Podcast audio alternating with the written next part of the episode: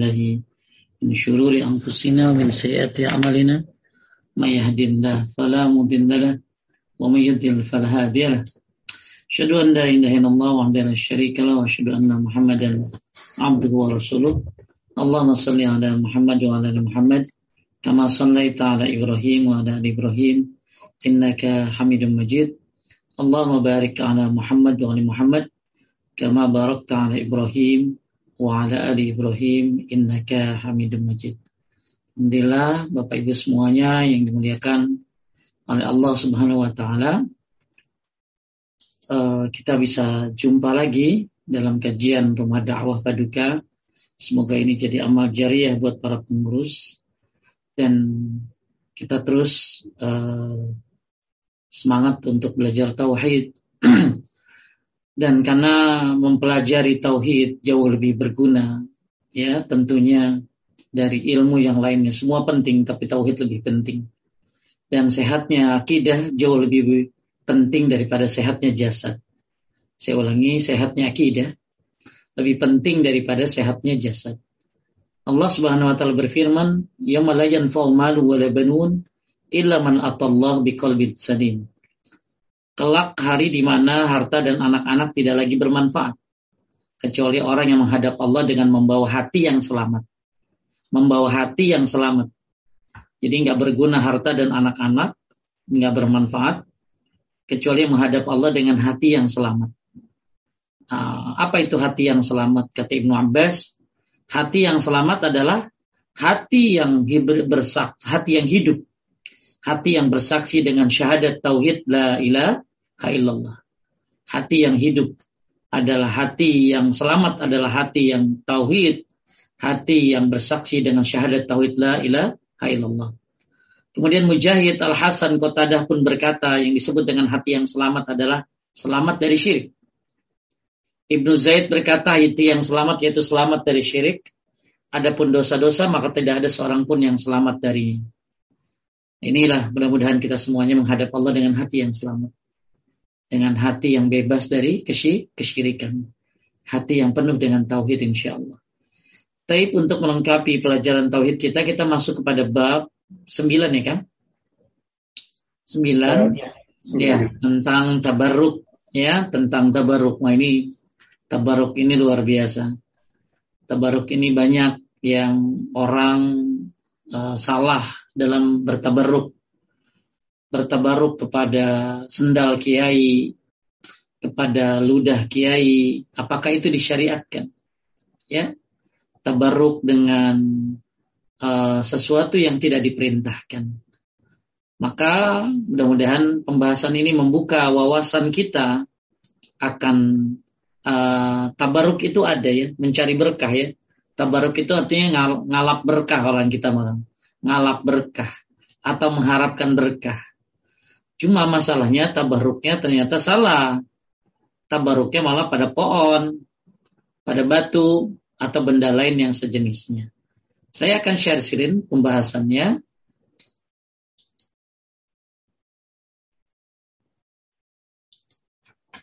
Kelihatan kan? kelihatan kan? Kelihatan. Kelihatan. Boleh kami baca? Tabaruk. Tabaruk atau mencari berkah kepada pohon, batu, ataupun yang semisalnya termasuk kesyirikan. Dan demikian itu merupakan perbuatan orang-orang musyrik. Para ulama telah sepakat bahwa tidak disyariat tidak disyariatkannya hal itu, yaitu tabaruk atau mencari berkah kepada pohon, batu, tanah, tempat, maupun hal yang selainnya. Karena tabaruk dengan hal-hal seperti ini merupakan dulu perbuatan yang berlebihan atau melampaui batas dalam syariat Islam. Lagi pula, perbuatan mencari berkah yang demikian bisa mengantarkan seseorang yang melakukannya kepada amalan berupa berdoa hingga mempersembahkan ibadah kepada hal-hal tersebut. Padahal ini jelas-jelas termasuk syirik. Jadi awal-awalnya kan ya mereka jadi tabaruk itu ada ya, tabaruk itu ada. Mencari berkah itu ada. Tapi ketika diselewengkan, ya maka akhirnya jadi salah. Ya akhirnya jadi apa? Jadi gulu. Gulu itu apakah perbuatan yang melampaui batas berlebih-lebihan. Ya, e, kalau kita lihat apa sih arti daripada tabarruk? Kalau kita lihat ya, Tabaruk artinya adalah mengharapkan atau mencari keberkahan melalui sesuatu. Ini namanya tabaruk. Ya, tabaruk itu mencari keberkahan, mencari keberkahan melalui sesuatu. Keberkahan itu apa sih? Keberkahan adalah kebaikan yang berlimpah dan tetap. Maka kita bagus kalau doain orang tuh ya, barokallahu fi gitu ya. Kalau kita kenapa? Itu keberkahan itu adalah kebaikan yang melimpah dan tetap. Ya. Makanya kalau lihat hal-hal yang indah ke, kepada orang lain katakan ya barakallahu fik atau barakallahu arik. Lanjut sumber keberkahan adalah Allah Subhanahu wa taala. Jadi sumber keberkahan itu Allah Subhanahu wa taala. Kita sering baca surat Al-Mulk nih. Tabarakalladzi biyadihil mulku wa huwa ala kulli syai'in qadir. Sungguh berlimpah keberkahan. Tabarak. Ya, yang di tangannya kekuasaan, yang dia mau berkuasa atas segala sesuatu. Kemudian ada lagi di surat Al-Furqan ayat 1. Tabarakalladzi nazzala al-furqana ala 'abdihi liyakuna lil 'alamin nadhira sungguh melimpah keberkahan yang menurunkan Al-Quran, Al-Furqan kepada hambanya agar menjadi pemberi peringatan bagi semesta alam. Ya, ini ayat-ayat tentang apa tadi? Tabarruk, ya, tentang keber keberkahan. Jadi secara bahasa, ya, tabarruk artinya mencari keberkahan melalui sesuatu. Keberkahan itu apa sih? Kebaikan yang melimpah dan tetap. Baik, kita lihat apa kata Hasan al-Basri. Lanjutkan uh, Al Hasan al Basri menyatakan datangnya barokah atau keberkahan adalah dari Allah. Al Husain bin bin Al Fadl menyatakan bahwa makna tabarokah adalah sungguh banyak keberkahan pada Allah dan Dia memberkahi orang-orang yang dikehendaki. Masya Allah. Mudah-mudahan kita termasuk orang-orang yang dikehendaki oleh Allah. Ya. Jadi tabarokah adalah sungguh banyak keberkahan pada Allah. Jadi sumber keberkahan adalah Allah. Ibnu Qayyim dalam Jalalul Afham menyatakan bahwa definisi ini adalah yang paling baik tentang makna tabarak. Kemudian keberkahan itu lanjutkan.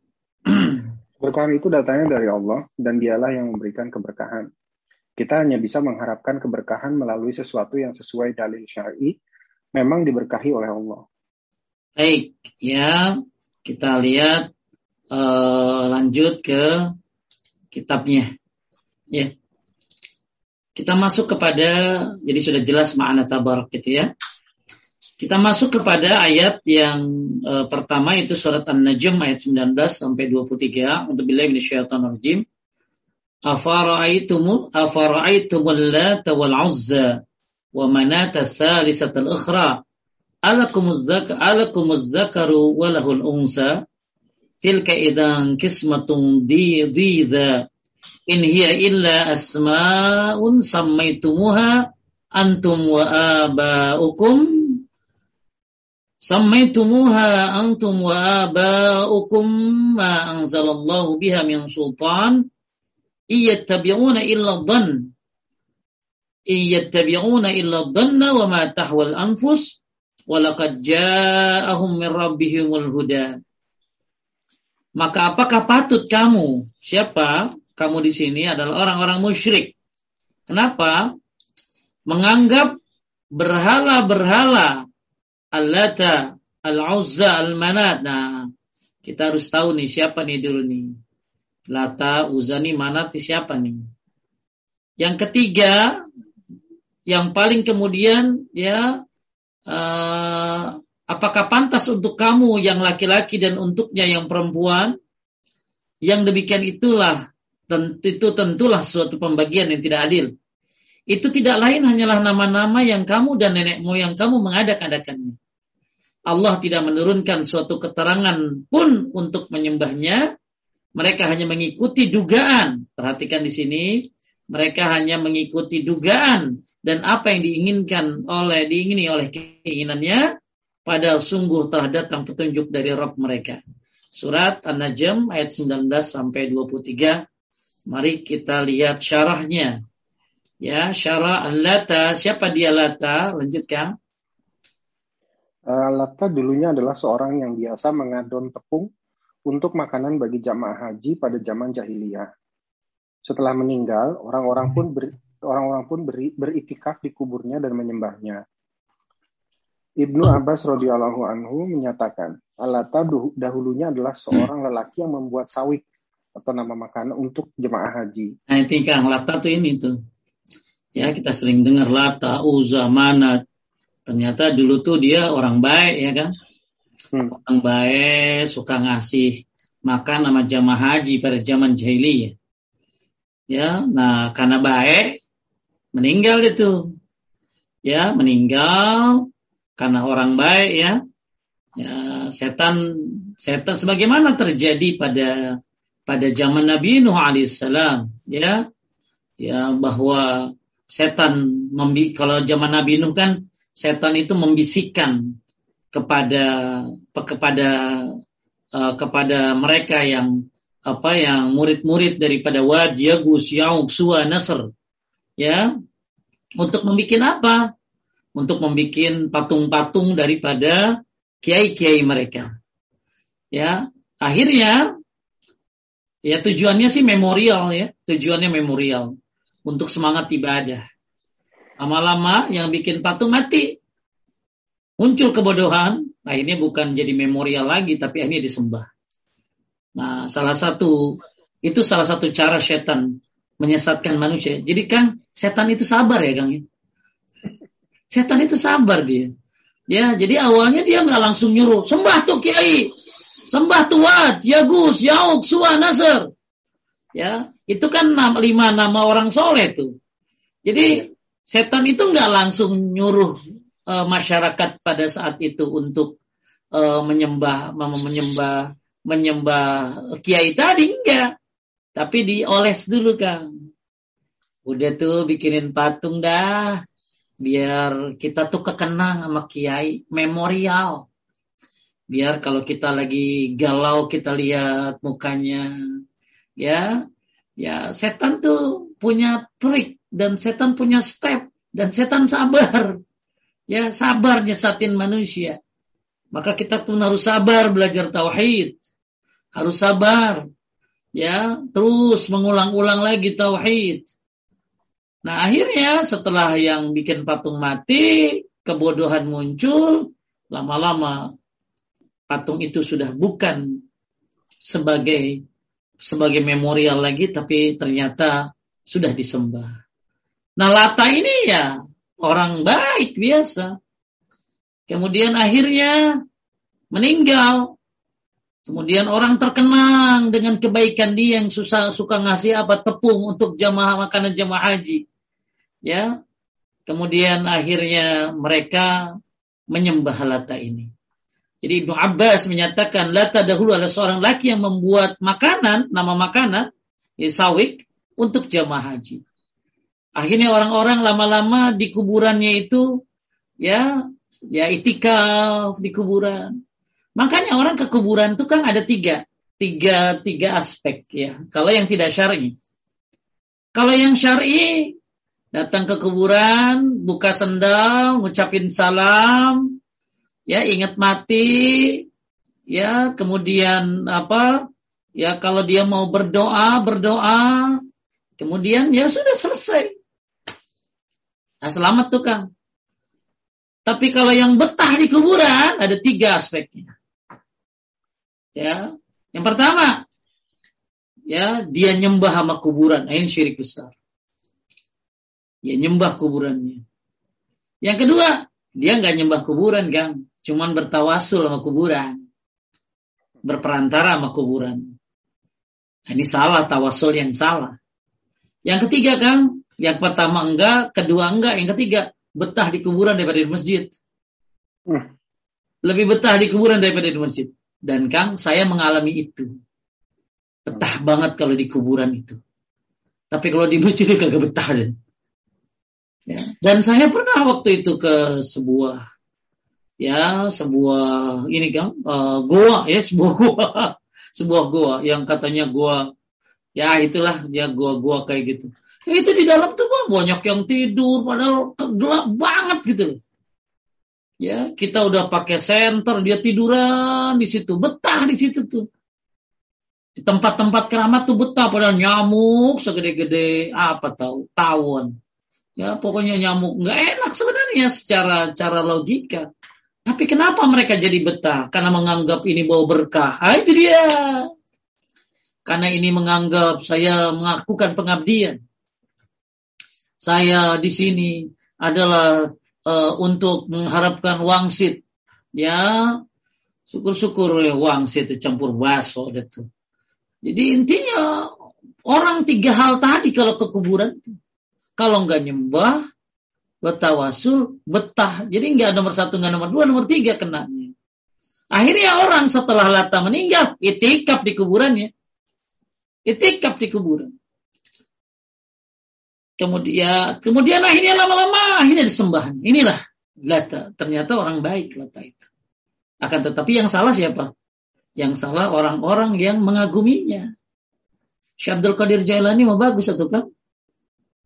Ya, ulama sunnah Syekh Abdul Qadir Jailani itu. Tapi yang salah siapa? Ya, ya ini orang-orang yang berlebihan kepadanya. Sampai saya ada orang waktu itu ngomong sama saya. Ya dia nggak sholat kan. Dia bilang apa? Kalau nanti kenapa tanpa saya di kuburan tinggal bilang si Abdul Qadir Jailani. Katanya mau malaikat munkar dan nakir nggak berani bertanya katanya. Masya Allah luar biasa itu orang. Nah ini Bapak Ibu sekalian melihatkan Allah kesalahan-kesalahan followers ya Kang ya. Kesalahan-kesalahan followers yang tidak punya ilmu. Padahal semua orang jadi orang baik kan bagus. Tapi kemudian akhirnya gunakan Setan menghembuskan bisikan-bisikannya. Maka orang-orang bodoh terjebak dalam kesyirikan. Akhirnya menyembah Lata. Padahal dia adalah manusia biasa. Kemudian Al-Uzza. Siapa itu Al-Uzza? Lanjutkan. Uh, Al-Uzza adalah pohon yang ada bangunan atau rumahnya. Bangunan ini dihancurkan oleh Khalid bin Walid radhiyallahu anhu pada Fathu Makkah. Ah ini ya Al-Uzza nih. Ya, uh, Al-Uzza ini ya pohon yang ada bangunan atau rumahnya katanya yang dihancurkan oleh Khalid bin Walid. Insya Allah ya. Orang dulu mau berani kan ngancurin gituan kan. Ya kalau ada pohon keramat ya nggak dipotebang-tebang. Ya jangan ditebang. Kalau ditebang surupan. Kalau ditebang nanti ini jalan gak bakalan aman. Nah ini inilah Khalid bin Walid ya. ya Masya Allah ya nggak takut terhadap siapa tuh ya pohon-pohon yang dikeramatkan. Kemudian siapa Manat ya Manat yang dijelaskan oleh Aisyah radhiyallahu anha patung yang terletak antara Makkah dan dan Madinah. Dan Lata Uzza Manat ini adalah nama-nama berhala yang dipuja oleh orang Arab jahiliyah bahkan mereka dianggap sebagai anak perempuan Allah. Jadi Lata Uzamanat ini dianggap sebagai anak perempuan Allah. La haula wala quwata illa billah. Subhanallah. Ya. Baik, kita lihat lanjut ayat selanjutnya. Adapun uh, adapun makna ayat di atas adalah kabarkanlah hai orang-orang musyrik tentang Tuhan-Tuhan ini. Apakah bisa mendatangkan manfaat ataupun menolak bahaya? sehingga layak untuk menjadi sekutu bagi Allah Taala. Ya, bagi, bagaimana mereka layak jadi sekutu bagi Allah? Mereka diciptakan, mereka tidak bisa apa-apa. Lalat yang singgah di di di di patung pun tidak bisa diusirnya. Sungguh lemah lah, makanya lemah yang menyembah, lemah yang disembah, dan lebih lemah lagi yang menyembahkan. Yang disembah lemah, yang menyembah lebih lemah lagi. Ya. Lanjut keterangan. Keterangan para sahabat di atas menunjukkan bahwa orang-orang jahiliyah ada yang menyembah orang-orang soleh, menyembah patung, dan ada juga yang menyembah berhala secara umum, pohon dan lain-lain. Ya, jadi ada yang menyembah orang soleh. Satu, sebagaimana tadi kan zaman Nabi Nuh ya, zaman Nabi ya, Nuh alaihissalam. Dan padahal ya, makanya kita kenapa belajar tauhid terus, belajar tauhid lagi, tauhid lagi, tauhid lagi. Karena kalau dilihat zaman Nabi Nuh sampai zaman Nabi Adam sampai zaman Nabi Nuh tuh kan, itu nggak ada kesyirikan kan. Satu abad nggak ada kesyirikan. Ya, jadi dari zaman Nabi Adam ke zaman Nabi Nuh, satu abad itu tidak ada kesyirikan. Lalu ketika di zaman Nabi Nuh muncullah kesyirikan. Dan Nabi Nuh udah dakwah kayak apa Kang? 950 tahun dia dakwah. Dan yang ikut cuma 80. Yang ikut sama Nabi Nuh cuma 80 orang. Dan dakwah Nabi Nuh siang malam. Siang malam tapi luar biasa. Ya, masyarakat-masyarakatnya ternyata tidak mau mengikuti Nabi Nuh alaihissalam dan uh, mereka uh, menyembah lima patung para ulama di zaman itu. Ya maka disebutkan la tazarunna alihatakum wa la tazarunna wadda wa la su'a wa la wa ya'uqa wa nasra. Wa qad adallu katsira wa la tazidid illa dhalala tidaklah menambah kepada orang zalim itu selain kesesatan. Baik. Maka jadi pada uh, makanya kenapa kita terus belajar tauhid? Karena dari zaman Nabi Adam sampai Nabi Nuh aja yang nggak ada syiriknya bisa jadi syirik Kang. Satu abad nggak ada syiriknya bisa mulai syirik. Nah sekarang gimana yang memang penuh kesyirikan? Makanya terus belajar tauhid. Kenapa? Karena memang uh, Nabi juga ya, mengajarkan tauhid ya di awal, ngajarin tauhid di akhir kehidupannya. Kemudian juga Nabi takut kepada syirikan. Ibrahim juga takut kepada syirikan. Ya, wajudumni wa baniya na'budal asnam. Ya, jauhkan aku dan turunanku dari menyembah berhala. Bayangin Nabi Ibrahim takut takut menyembah berhala. Nah, dan zaman Nabi Adam sampai zaman Nabi Nuh nggak ada syirik itu bisa syirik. Satu abad nggak ada kesyirikan, eh bisa syirik, bisa bisa jebol juga. Lah gimana kita yang memang penuh dengan kesyirikan, bukan jebol lagi ya, udah tambah hancur amburadul kalau nggak ada yang belajar tauhid. Jadi orang yang menyembah orang-orang soleh sudah aja sejak dulu. Kemudian menyembah patung. Nah, ada lagi yang menyembahnya secara umum. Nah, ini disebutnya ausan, Kang. Jadi patung itu ada dua ada asnam, ada ausan. Kalau asnam ini patung, berupa patung. Kalau ausan ini apa aja? Bisa pohon, bisa kuburan, ya apalagi itu gunung, ya bisa bisa tadi rumah pohon yang dihancurkan oleh Khalid bin Walid, ya ya ini eh, keterangan dari para sahabat menunjukkan orang-orang jahiliyah yang menyembah tiga tadi menyembah orang soleh, menyembah uh, asnam dan menyembah menyembah ausan. Kemudian hubungan ayat ini dengan bab tabaruk apa? Kenapa ayat ini dimasukkan kepada bab tabaruk? Ya, bab mencari berkah. Lanjutkan hubungan. Hubungan antara ayat-ayat ini dengan judul bab adalah dari segi bahwa para penyembah berhala mereka meyakini bisa mendapatkan keberkahan dari berhala-berhala itu dengan cara mengagumkannya.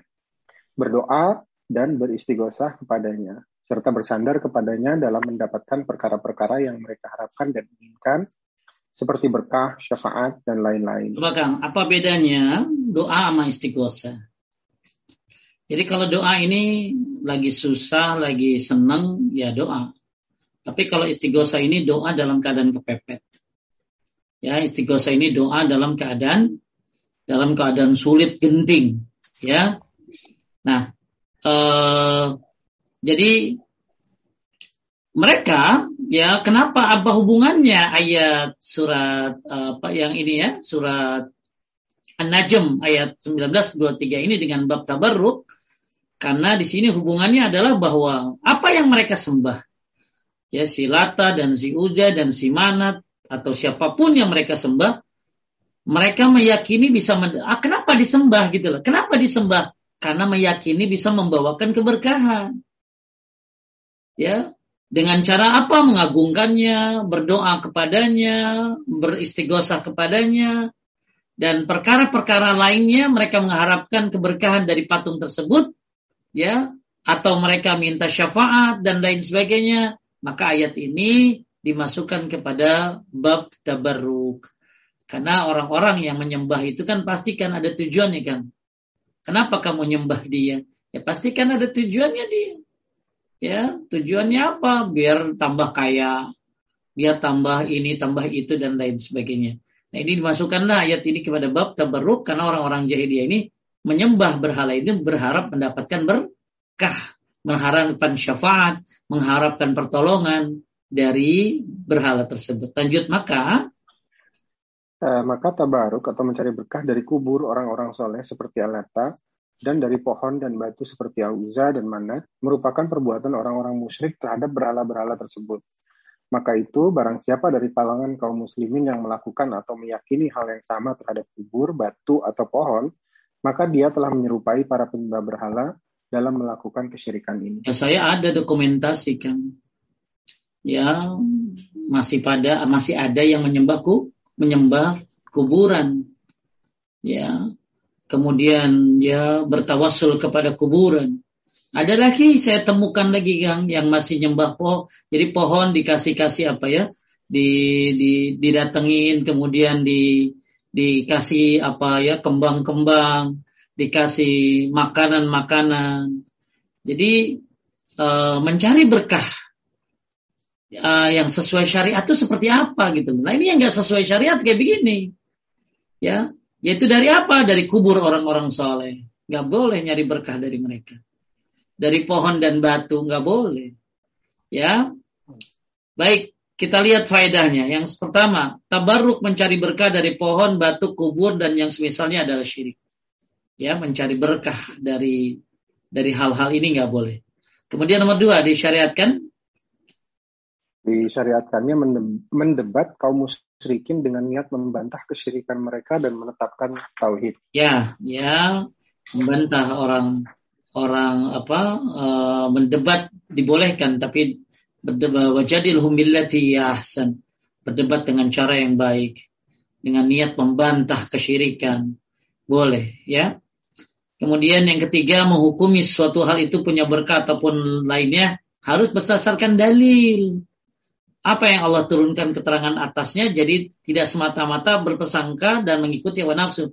Jadi kalau mau nyari berkah sama yang sama yang ada dalilnya gitu lah. Ya, nanti kita bahas. Kemudian nomor empat, Allah telah menegakkan hujah dalil keterangan dengan mengutus para Rasul Islam dan menurunkan kitab-kitab. Yang kelima, wajibnya mensucikan Allah Ta'ala dari memiliki anak perempuan maupun anak laki-laki. Ya, mereka menyatakan ya Allah memiliki anak ya, padahal lam yalid walam yulad. Kita lihat poin uh, ketiga ya. Menghukumi sesuatu hal itu punya berkah atau lainnya harus berdasarkan dalil. Baik kita lihat keberkahan-keberkahan ini ya.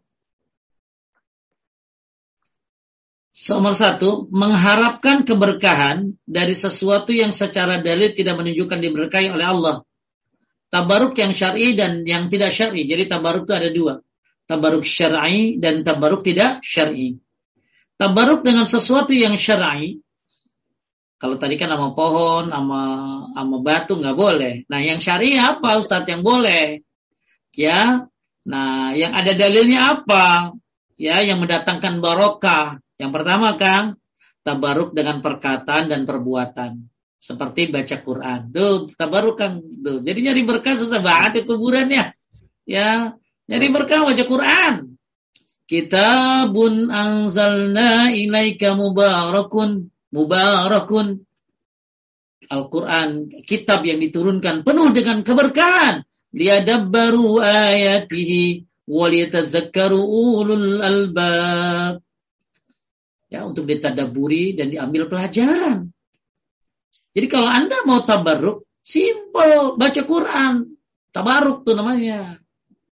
Ya, cari berkah. Ini cari berkah lewat jigong. Ngapain? Ya, nyari berkah pakai saya sampai lihat sebuah foto kan. Jadi ada seorang anak muda ngambil sendal kiai atau sepatu kiai lalu dia begini Kang, dia foto dengan sepatunya, lalu dia tulis caption begini Kang sepatu ini lebih mulia daripada saya. Coba bayangin sepatu lebih mulia daripada dia. Ya lebih mulia situ atuh. Sepatu mah benda mati. Anda bisa ibarat sepatu kagak. Jadi karena ini sepatu kiai dianggap lebih lebih berkah, lebih hebat hidupnya daripada dia. Padahal kan sepatu mah ya cuma buat dipakai doang. Tidak ada tidak ada di perintah ibadah, perintah ibadah buat manusia. Ya Allah kan khalaqnal insana fi ahsani takwim. Saking segitunya orang tuh nyari berkah tuh.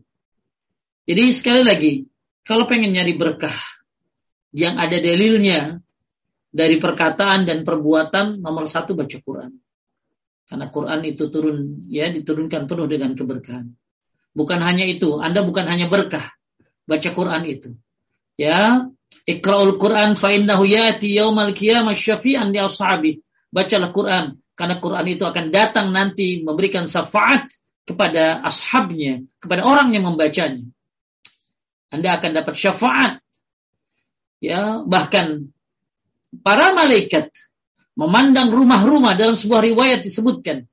Para malaikat itu memandang rumah-rumah yang baca Quran sebagaimana kita memandang bintang-bintang. Coba kita pandang bintang-bintang kan kelap-kelip indah tuh. Seperti itulah malaikat memandang rumah-rumah yang di dalamnya dibacakan Al-Quran. Ya, bahkan ketika Anda jauh dari Quran, ya, maka akan ada korin. Ya, wa may ya'shu an zikrir rahman nuqayyid lahu syaitanan fahuwa qarin. Ya, siapa yang ya lalai dari Al-Qur'an akan uh, apa akan ada setan sebagai pendampingnya. Kemudian berzikir, tuh zikir, tuh. Itu berkah tuh zikir. Pagi sore, zikir habis sholat, ya ada zikir ya sebelum tidur, ada zikir bangun tidur, banyak kerjaan yang benar teh, ngapain ngari kerjaan yang kagak benar itu, yang jelas aja ada, ngapain pakai yang kagak jelas, ya kita aja repot. Apalagi selain zikir, ya ada lagi zikir bebas yang nggak ada waktunya kapan aja, yang nggak boleh di kamar mandi aja. Seperti subhanallah bihamdihi subhanallahil azim. Kalimatani khafifatani fil lisan, sakilatani fil mizan, habibatani 'inda rahman. Subhanallah bihamdihi subhanallahil azim. Ada dua kalimat yang ringan diucapkan berat ditim ringan diucapkan, berat ditimbangan, dicintai oleh Rahman subhanallah bihamdi subhanallah yang azim. Baca itu yang banyak. Ada lagi kalimat subhanallah alhamdulillah wala ilaha illallah wallahu akbar. Lebih dicintai Nabi daripada apa? Mimma tala'at alaihi syams. Daripada apa yang tersinarkan oleh matahari. Maksudnya, kata Imam Al-Munawi, lebih baik daripada dunia dan seisinya. Kalau baca subhanallah alhamdulillah wala ilaha illallah wallahu akbar. Ya, belum lagi kanzun min kunuzil jannah. Apa itu? Harta benda surga. Yaitu la haula wa la quwata illa billah. Banyak ya. Yang kita kerjaan kita teh. Nyari berkah tuh. Belajar ilmu agama dan mengajarkannya. Ya, belajarnya. Ya, bela, kata ya, ya, kata Muaz bin Jabal yang namanya murajaah pelajaran itu udah kayak tasbih anda baca lagi kitab tauhid Anda. Ulangi lagi, itu udah kayak tasbih. Apalagi dan ilmu belajar ilmu agama termasuk keberkahan, mengajarkannya termasuk keberkahan, makan dengan berjamaah, ya termasuk keberkahan dan menjilati jari sesudah makan, itu termasuk keberkahan. Banyak keberkahan yang disyariatkan teh. Ya. Nah ini tabaruk dengan perkataan dan perbuatan. Ada lagi tabaruk dengan tempat Kang. Apa tuh? Etikaf di masjid, ya. Etikaf tinggal di Mekah, ya, Madinah atau Syam, ya. Nah ini nih, ya. Uh, apa ada keistimewaan keistimewaan tinggal di tiga tiga tiga negeri ini Mekah, Madinah dan Syam ya kemudian tabarruk dengan waktu seperti apa beribadah di malam Lailatul Qadar, banyak berdoa di waktu sahur, beristighfar di waktu sahur, tabaruk dengan makanan minuman, misalnya minum madu, itu tabaruk tuh, ya, air zam-zam, pakai minyak zaitun, ya, konsumsi habatus sauda. Nah, ini adalah uh, apa uh, tentang tentang keberkahan tabaruk-tabaruk ya yang disyariatkan. Baik. Kita kembali kepada kitabnya. Kemudian di sini ada uh, penulis memberikan peringatan, ya, perhatian tentang sebagian orang yang belakangan menganggap boleh tabaruk ngalap berkah dari bekas-bekas orang soleh. Mereka mengkiaskan dengan Nabi Shallallahu Alaihi Wasallam. Ini penulis sangat perhatian ya terhadap keadaan masyarakat maka dikasih bab pertama tentang perhatian. Ya, apa nih yang beliau ungkapkan di sini tentang apa perhatian ini ya tentang banyaknya orang ngalap berkah dari bekas-bekas orang soleh. Mereka mengkiaskan dengan Nabi Sallallahu Alaihi Wasallam yang benar bahwa itu adalah terlarang karena para salafus soleh dari kalangan sahabat dan setelahnya tidak pernah tabaruk dengan seorang pun selain Nabi Sallallahu Alaihi Wasallam baik ketika hidup maupun setelah orang tersebut mati. Jadi sahabat itu hanya bertabaruk kepada Nabi kan. Ya, Nabi wudhu mereka di bawahnya. Nabi wudhu mereka di bawahnya. Ya. Terus uh, apa lagi ya? Uh, seperti Nabi keringatnya kan, keringatnya kan, keringatnya. Ya, Nabi lagi tidur, keringatnya di apa? di di apa? Di di, di dikumpulin ya. Nah, itu keringat nabi wangi. Nah keringat situ mah boro-boro atuh. Iya keringat nabi mah wangi. Ya sekarang gini lah suami dianggap dianggap wangi ya uh, uh, ustadz dianggap wangi sama jamaahnya karena pakai parfum lah yang tahu dia bau kan istrinya kan Iya kan? Iya. Yang tahu dia ngorok, tahu dia kentut baik, ya, yang tahu dia ngupil, yang jelek-jelek ya istrinya. Lah kalau Nabi nggak ada jeleknya. Makanya mereka mengkiaskan ini dengan dengan apa? Dengan Nabi Shallallahu Alaihi Wasallam. Ya, padahal para sahabat tidak pernah melakukan tabarruk kecuali kepada Nabi only. Hanya kepada Nabi saja. Dan gak ada mereka, para sahabat tabaruk dengan Abu Bakar, padahal Abu Bakar sudah dijamin surga.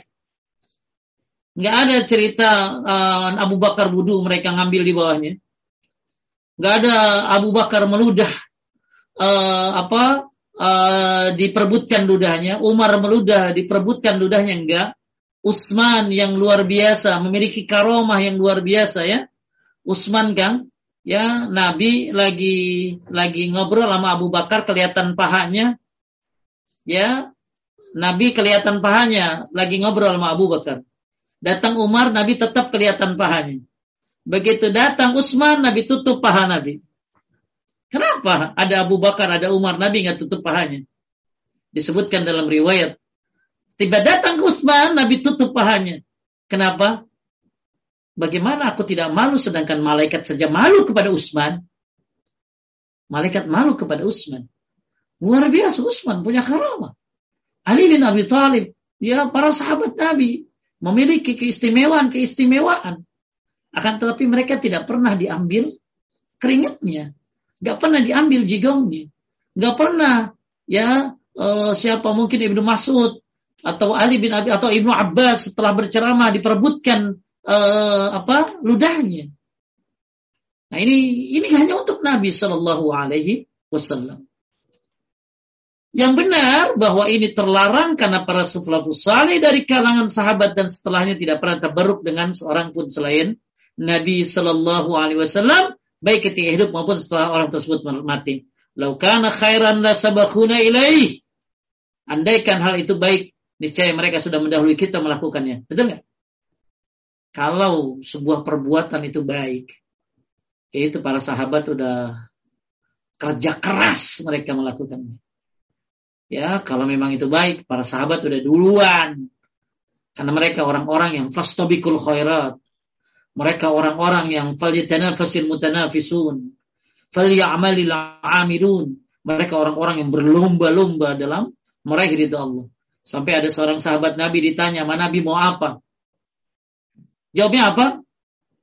Aku ingin urafiku kafil jannah. Aku ingin menemani engkau di surga ya Rasulullah. Kemudian tanya, ada lagi? Cukup itu saja Rasulullah. Simple mereka tuh. Coba kalau kita ditanya, mau apa? Mobil. Ya. Mau apa? Mau apa? Ada lagi? Terus we kagak habis-habis. Para sahabat Masya Allah.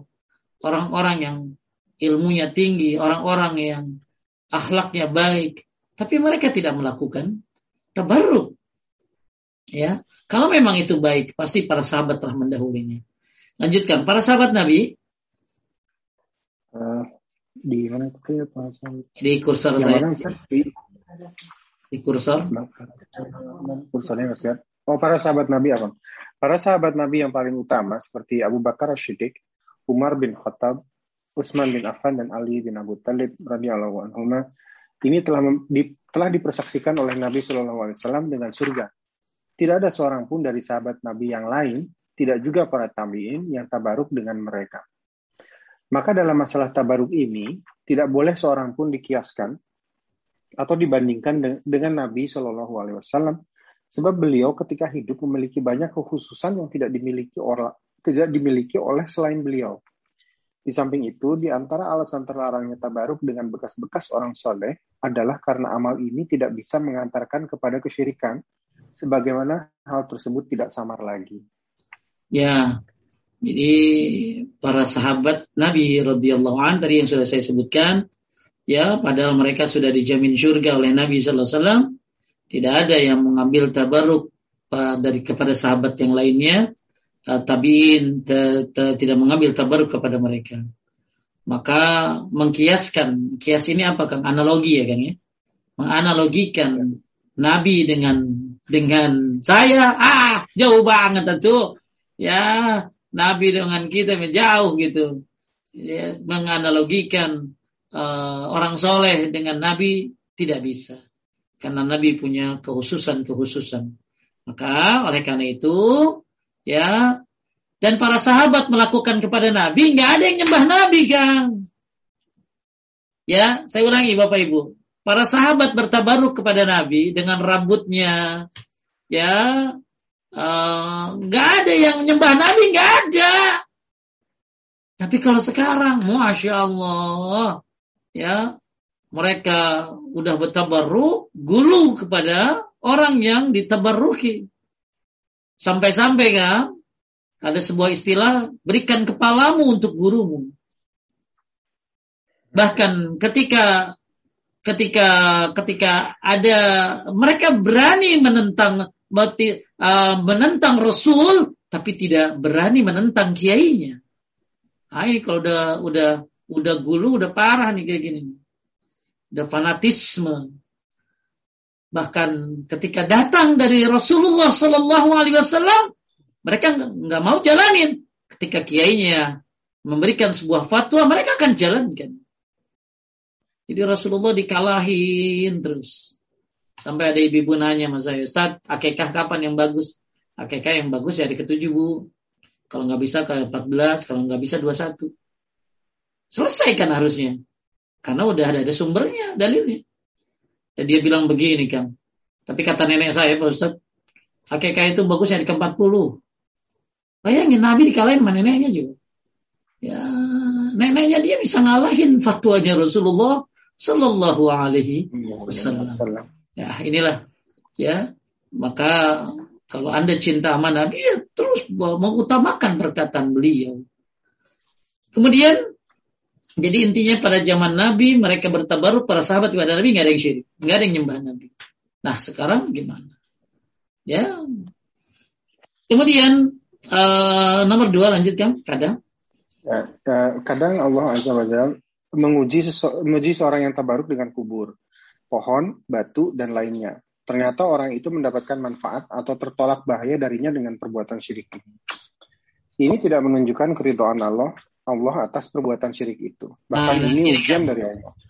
Jadi kadang-kadang kan ya Allah menguji, menguji orang yang hmm. tabarruk ini. Begitu tangannya nempel sama kuburan kan, set, itu kurapnya sembuh langsung. Panonya langsung sembuh langsung deh iklan. kuburan anu, bebasin penyakit kulit. Ya, begitu tiba-tiba ya bahkan jadi ada ada orang-orang yang yang apa uh, Allah uji ya Allah uji uh, apa ketika ketika dia terberuk dengan yang salah ya dengan kuburan batu ternyata dia mendapatkan manfaat atau tertolak bahayanya ya. Nah dan jadi ada orang seperti itu nah ini ternyata ujian kan ujian. Ini jadi kalau ada yang begitu bukan berarti ini menunjukkan oh ya sembuh berarti boleh. Bukan berarti jadi legal. Ya gara-gara satu orang uh, biasanya ini kan satu orang tuh kan satu orang sembuh akhirnya jadi iklan itu. Akhirnya jadi fitnah buat rame-rame jadi kadang Allah menguji orang-orang yang bertabaruk dengan hal-hal yang salah lalu dia mendapatkan manfaat. Akan tapi ini bukan berarti menunjukkan keriduan Allah atas perbuatan syirik itu. Bahkan ini ujian dari Allah. Lanjut sebab? Uh, sebab betapa banyak orang-orang yang dimudahkan melakukan berbagai kemaksiatan yang jelas dimurkai Allah. Hal ini terjadi agar nyata bagi Allah mana orang-orang yang takut kepadanya, zat yang tidak terlihat oleh mereka. Ya intinya gini kan, dalam kehidupan kita sehari-hari kan banyak juga orang yang berbuat maksiat kan kan, ya banyak uh, dia apa mungkin ya pencuri bisa mencuri, bisa sukses melakukannya, orang yang maksiat bisa sukses. Kan ini ujian, ya, ujian juga. Jadi bukan berarti sesuatu yang salah kemudian akhirnya ternyata dia selamat, ini jadi legal. Tidak. Karena dalam kehidupan ya banyak orang-orang yang dimudahkan melakukan kemaksiatan ya uh, diizinkan tapi tidak diridhoi. Orang-orang yang maksiat mendapatkan ya dia diizinkan tapi tidak diridhoi oleh Allah Subhanahu wa taala. Ya, makanya Allah berfirman innal ladina innal ladina yakhshawna rabbahum bil ghaibi lahum maghfiratun wa ajrun kabir. Sungguh orang yang takut kepada Rabbnya yang tidak terlihat oleh mereka, mereka memperoleh ampunan dan pahala yang besar. Tapi jadi nggak bisa suatu hal yang salah kemudian jadi pembenaran ketika ada satu orang yang sukses gara-gara kesalahan tersebut. Ya. Hmm. Baik, ini uh, poin daripada uh, pembahasan yang pertama. Kemudian kita masuk kepada pembahasan uh, dalil yang kedua, itu dari hadis Nabi Sallallahu Alaihi Wasallam. An Abi Waqidin Laythi qala kharajna ma Rasulillah sallallahu alaihi wasallam ila Hunain wa nahnu hudasa'u ahdi bi kufrin walil musyrikina sidrat sidratun yaqufuna 'indaha wa yanut wa yanutuna biha aslihatahum laha zatu anwat famararna bi sidrah فقلنا يا رسول الله اجعل لنا ذات أنوات كما لهم ذات أنوات. فقال رسول الله صلى الله عليه وسلم الله أكبر إنها السنن. قلتم والذي نفسي بيدي كما قالت بنو إسرائيل لموسى اجعل لنا آل إلها كما لهم آلهة. قال innakum qaumun tajhalun la tarkabunna sunana man kana qablakum. Lanjutkan dari Abu Waqid. Eh, dari Abu Waqid Al-Laitsi radhiyallahu anhu, dia berkata, kami pernah pergi keluar bersama Rasulullah Shallallahu alaihi wasallam menuju Hunain. Sedang kami dalam keadaan baru saja lepas dari kekafiran, baru masuk Islam. Ketika itu kaum musyrikin memiliki batang pohon bidara yang disebut Zatu Anwat. Mereka beritikaf di sisinya dan menggantungkan senjata-senjata perang mereka pada pohon itu. Tatkala kami melewati sebatang pohon bidara, kami pun berkata, Ya Rasulullah, buatkanlah untuk kami zatu anwas, sebagaimana mereka memiliki zatu anwas. Maka Rasulullah Shallallahu Alaihi Wasallam bersabda, Allahu Akbar. Itulah tradisi orang-orang sebelum kalian. Demi Allah yang diriku ada di tangannya, kamu benar-benar mengatakan suatu perkataan seperti yang dikatakan Bani Israel kepada Musa. Buatkanlah untuk kami sebuah Tuhan berhala, sebagaimana mereka mempunyai beberapa Tuhan berhala. Musa menjawab, sungguh kamu orang-orang yang bodoh. Kalian kalian pasti akan mengikuti tradisi orang-orang sebelum kalian. Masya Allah. Ya ini kan kita lihat ya, uh, faedahnya dulu nih. Ya. Jadi ceritanya mereka ini baru masuk belum lama masuk Islam ya kan. Uh, kemudian mereka per, per, pergi keluar bersama Rasulullah SAW. Begitu uh, dalam perjalanan, ya, jadi ini jadi keadaan mereka itu baru lepas dari kekafiran, baru masuk Islam ya. Kemudian ketika itu melewati batang pohon bidara yang disebut Zatu Anwat. Nah ini jadi mereka uh, jadi dulu ya orang-orang musyrik, orang-orang musyrik itu punya pohon ya punya pohon bidara. Yang pohon bidara itu disebut dengan Zatu Anwat. Kenapa disebut Zatu Anwat? Karena mereka gantungin senjata-senjata perang mereka pada pohon itu, Kang. Jadi biar mantap kali ya. Ya, kalau punya senjata taruh di situ gantungin. Tahu biar apa tuh? ya mereka punya keyakinan bahwa pohon ini akan berikan keberkahan. Pohon ini akan memberikan kekuatan kepada senjatanya. Ya, pohon ini akan memberikan wah sesuatu yang inilah ya, yang hebat, ya, akan memberikan kekuatan. Dan bahkan orang musyrik dulu itikaf di sana. Di mana kan? Di Zatu Anwat tadi. Di Zatu Anwat ini sebuah pohon bidara yang yang disebut jatuh anwat karena kenapa disebut jatuh anwat? Karena mereka banyak gantungin senjata-senjata mereka di dahan-dahannya. Tujuannya adalah untuk mendapatkan keberkahan dari pohon tersebut. Ya bahkan ada yang itikaf di sana. Kemudian akhirnya ya tatkala pohon itu dilewatin ya sama orang-orang yang baru masuk Islam ini ya maka uh, ada yang mengatakan ya buatkanlah untuk kami satu anwat tuh. Ya, jadi karena mereka baru masuk Islam kan ya kan ya. Jadi masuk Islam makanya orang baru masuk Islam sih ya uh, karena baru masuk Islam ya mungkin belum tahu, belum memiliki akidah yang kuat, belum memiliki tauhid yang baik. Maka mereka bilang apa? Ya Rasulullah, buatkan kami untuk kami satu anwat sebagaimana yang dimiliki oleh satu anwat. Ya kadang-kadang ada kebiasaan-kebiasaan. Eh gini Kang coba ya kan. Orang non Muslim ya masuk Islam. Suka ada nggak kebiasaan yang kebawa kan? Ada. Ada. Ada. Ada kebiasaan-kebiasaan. Ya, jadi karena dia baru masuk Islam, dia dari apa nih agama apa gitu ya. Masuk Islam. Ya karena belum banyak dia tahu, dia ada kebiasaan-kebiasaan yang mungkin ke bawah. Menyangka itu boleh ya namanya juga baru masuk Islam. Ya wajar lah.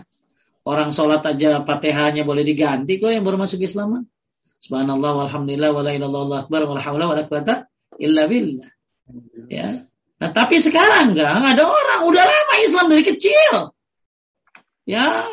Dari kecil sudah Islam karena bapak ibunya Islam. Tapi di usia-usia tuanya tetap aja dia melakukan kesyirikan karena dia menganggap itu boleh Ya, padahal bukan mu'alaf kan. Padahal bukan baru masuk Islam. Tapi karena dia gak mau belajar tauhid. Karena dia jauh dari tauhid akan dekat kepada kesyirikan. Jadi hati-hati ya. Ya, Islam yang Allah berikan kepada kita ini Masya Allah. Diurus dong hidayahnya. Cari ilmu. Supaya bisa bisa bahkan banyak orang-orang mu'alaf kan yang justru jadi lebih pintar kan karena semangat belajarnya. Jadi yang udah dapat hidayah sunnah ya jangan jangan merasa anda bakalan di ah, oh kayaknya sih udah lebih baik. Bisa jadi orang yang baru kenal sunnah bisa jadi lebih baik kalau dia lari cepat, dia sungguh-sungguh, ya insya Allah. Nah akhirnya Nabi bilang apa setelah mendengar begitu? Nabi bilang Allahu Akbar. Itulah tradisi orang-orang sebelum kalian. Demi Allah yang diriku ada di tangannya, kamu benar-benar mengatakan suatu perkataan yang dikatakan Bani Israel. Jadi Bani Israel juga dulu pernah berkata demikian. Ya, maka Nabi Nabi Musa menjawab apa? Innaka kaumun tajhalun. Nah, ini ada kisah nih. Berarti Nabi Musa juga sabar kan menghadapi umatnya. Baik kita lihat faedahnya. Faedah daripada hadis ini. Yang pertama, lanjutkan. Uh, pertama, tabaruk dengan pohon termasuk kesyirikan. Demikian juga dengan batu dan yang semisalnya. Ya, taib. Ini udah maklum. Lanjut, nomor dua. Ya. Uh, nomor dua, takut terjatuh ke dalam kesyirikan karena seseorang terkadang menganggap baik sesuatu dan dia menyangka bisa mendekatkan diri dengan uh, mendekatkan diri kepada Allah Subhanahu wa taala akan tetapi ternyata hal itu justru menjauhkan dari dirinya dari rahmat Allah dengan sejauh-jauhnya dan malah sebaliknya mendekatkan dirinya kepada kemurkaan Allah Terus Allah salama walafiyah. Kita meminta kepada Allah keselamatan dan afiat. Jadi karena dia menganggap ini sebuah perbuatan baik ya. ya makanya perbuatan itu yang dilihat dari dalilnya kan. Ada dalilnya enggak? Ya, bukan karena prasangka kita, perasaan kita. Kan mereka ya oh, karena orang dulu boleh begitu, kita boleh begitu. Enggak bisa. Ya. Tapi ada sesuatu yang dulu di nggak boleh, kemudian yang dulu boleh, ya dibolehin juga kita. Kayak puasa Nabi Daud. Kita kan dibolehkan kan. Ya puasa Nabi Daud. Ya haji kan zaman Nabi Ibrahim alaihissalam. Kita juga melakukannya. Jadi ada hal-hal yang terkadang uh, mereka menyangka bahwa mereka mendekatkan diri kepada Allah. Padahal mereka malah berlari jauh dari Allah. Maka gimana supaya kita tahu ini ini adalah benar jalannya? Maka pelajarilah Quran dan sun, sunnah Nabi Sallallahu alaihi wasallam. Makanya musibah yang terbesar adalah musibah bodoh terhadap agama. Ya, malah ada orang bilang ini kalau belajar agama nanti tak ini loh jadi jadi apa? Jadi beban, jadi tahu. Ya, nanti kamu akan dihisap. Orang yang kagak belajar agama pun akan dihisap. Ya, antum yang gak belajar agama pun akan dihisap. Bahkan kalau lihat di dalam Al-Quran, lau kunna nasmu anakir ma kunna fi sa'ir. Karena mereka mau nggak mau dengar, nggak mau mikir, maka mereka masuk ke dalam neraka sa'ir. Nggak mau dengar, nggak mau mikir. Ya, maka insya Allah orang yang belajar mengetahui pasti akan lebih baik daripada yang tidak mengetahui. Baik, jadi hati-hati prasangga ya, prasangga. Perasaan ini baik. Perasaan boleh. Jangan begitu kalau beragama mah. Ya. Kemudian nomor tiga yang menjadi tolak ukur dalam menghukumi sesuatu adalah dengan memperhatikan hakikat makna sesuatu. Bahkan sekedar nama karena dalam hadis Nabi SAW menjadikan permintaan para sahabat yang sama dengan permintaan kaum Nabi Musa alaihi salatu dia tidak peduli walaupun para sahabat menamai dengan jatuh anwat tempat jantungan. Ya walaupun dinamain jatuh anwat. Kalau di kita mungkin jatuh anwat teh apa Kang? Misjab kalau bahasa Arab. Misjab. Apa tempat gantungan apa? tempat gantungan. Iya gantungan ah, aja. gantungannya apa kalau di kita. Jadi walaupun walaupun namanya namanya bisa berubah-ubah kan ya kan? Ya nama bisa berubah-ubah. Tapi modelnya tetap sama. Apa mencari berkah lewat lewat pohon.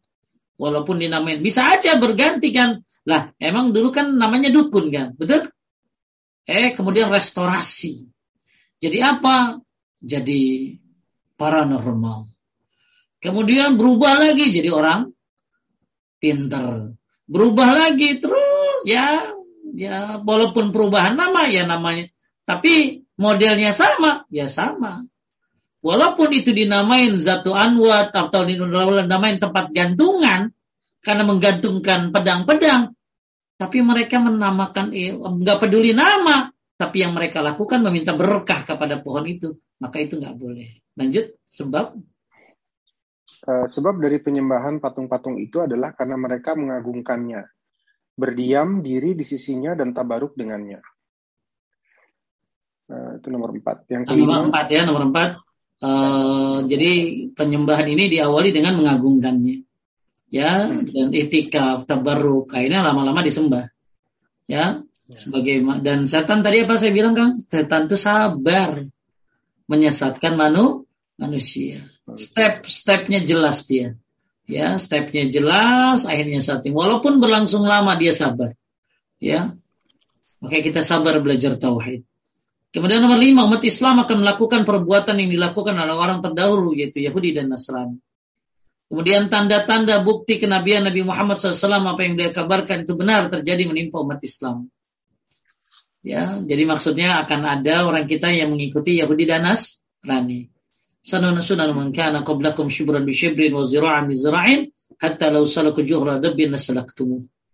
Ya, mereka akan mengikuti walaupun masuk ke lubang bom ya walaupun Yahudi Nasrani masuk ke lubang dob akan diikutin maka benar apa yang diceritakan oleh Nabi Shallallahu Alaihi Wasallam. Ada orang-orang yang mengikuti mereka. Kemudian uh, keserikan juga akan menimpa umat Islam ya. Ya. Jadi ada sebagian orang menyangka bahwa nggak ada lagi kesyirikan di muka bumi. Tidak ya. Bahwa kesyirikan juga uh, akan menimpa umat Islam. Kemudian celaan terhadap orang Yahudi dan Nasrani yang diarahkan kepada kita agar kita waspada. Kemudian larangan dari tersyabuh menyerupai perbuatan orang jahili ya, kecuali ada dalil yang menunjukkan bahwa hal tersebut merupakan bagian dari agama Islam. Kemudian wajib yang menutup jalan-jalan yang bisa menyampaikan kepada keburukan, baik itu syirik, bid'ah maupun kemaksiatan. Maka Nabi menutup jalan kesyirikan dengan melarang para sahabat yang baru masuk Islam tadi untuk apa? ya untuk bikin diminta dibikinin zatu anwat maka Nabi menutup pintu jalan-jalan menuju kesyirikan tersebut kemudian Insya Allah ini hampir sama ya Oke, habiskan. Habis. Ya, ya itu cuma dua ayat saja ya. Mungkin yang banyak biasa yang nanya.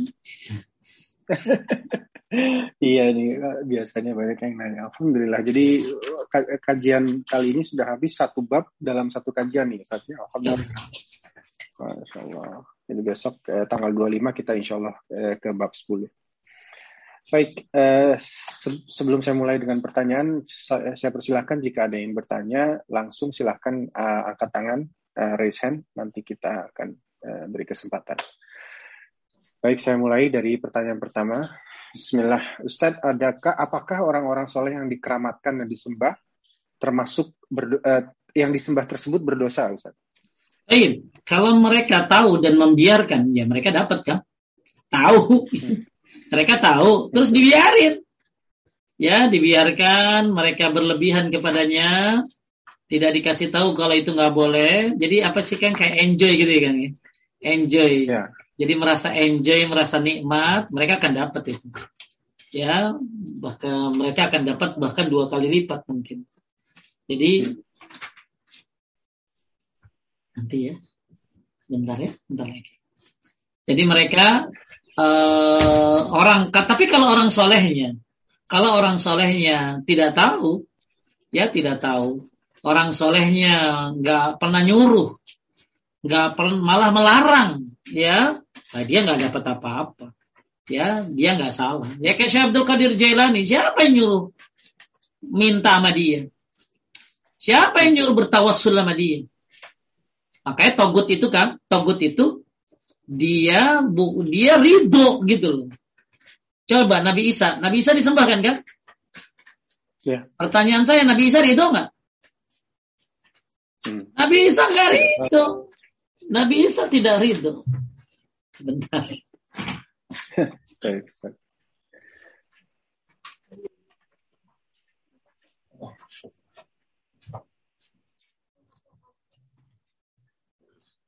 Nabi Isa tidak ridho kepada apa yang dilakukan oleh mereka. Ini Nabi Isa nggak bakalan ridho. Nabi Isa orang yang bertauhid.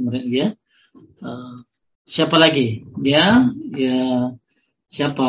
Uh, jadi orang-orang soleh yang disembah kalau dia tahu selama hidupnya dibiarkan maka dia kena dosa. Tapi kalau dia nggak tahu maka itu nggak kena dosa. Lanjut. Hmm. Ya. Uh, berikut Bismillah bertanya Ustaz. Uh, bagaimana hukumnya jika lo membaca Yasin di depan kuburan berharap bacaan memberikan syafaat kepada almarhum Mohon pencerahannya Pak Ustaz. Allah berfirman, liyunzira man kana hayyan wa yahiqqal qawlu 'alal kafirin. Al-Quran itu peringatan buat yang hidup. dan peringatan untuk orang-orang kafir. Jadi Al-Quran buat yang hidup ya kan. Kalau yang mati didoain aja. Walaupun ada ikhtilaf ulama tentang masalah sampaikah bacaan yang hidup kepada yang mati. Ulama berbeda pendapat tentang masalah itu. Tapi masalahnya emang Nabi nggak pernah ngelakuin. Para sahabat juga nggak pernah melakukan. Ya, jadi saya berdasarkan dengan Al-Quran surat Yasin tadi ya. Diunzir man kana hayyan wa hikal kaunu al kafir. Quran itu peringatan buat yang hidup. Dan itu ada di surat Yasin sendiri kan. Berarti dia baca gak ngerti ya. Dia baca gak ngerti artinya gitu. Tapi jadi jadi yang Anda lakukan di kuburan ngapain, Bu? Anda datang buka sendal, ke sendal sunnahnya ya, kuburan itu kalau nggak bahaya. Kemudian bacakan salam, Assalamualaikum minal mu'minin, muslimin, Jadi dan seterusnya. Kemudian uh, setelah itu Anda tadi sudah saya jelaskan ya eh, nggak boleh duduk di atas kuburan. Ya, Anda silahkan berdoa. Yang terpenting adalah mengingat kematian. Itu yang terpenting. Kalau baca Quran bisa di mana aja. Bahkan Nabi bersabda dalam sebuah riwayat, ya, la taj'al buyutakum kubura. Jangan jadikan rumah kalian kuburan. Jadi rumah itu nggak boleh kayak kuburan sepi kuburan teh. Ya, sekarang terbalik rumah di rumah sepi di kuburan rame gitu. Lanjut. Tapi Bawan ini masih masih pertanyaan berikut yang tadi Ustaz dari saya nih. Itu yang kita melepas alas kaki ya Ustaz ke dalam kuburan. Nah, jika kita uh, kuburan itu dalam kompleks kuburan nih Ustaz, pemakaman ya, kompleks pemakaman. Kita melepas kakinya kapan nih Ustaz? begitu masuk kompleksnya atau mendekati kuburan yang kita ingin. Itu mas, uh, masuk yang setahu saya begitu masuk komplek kuburan.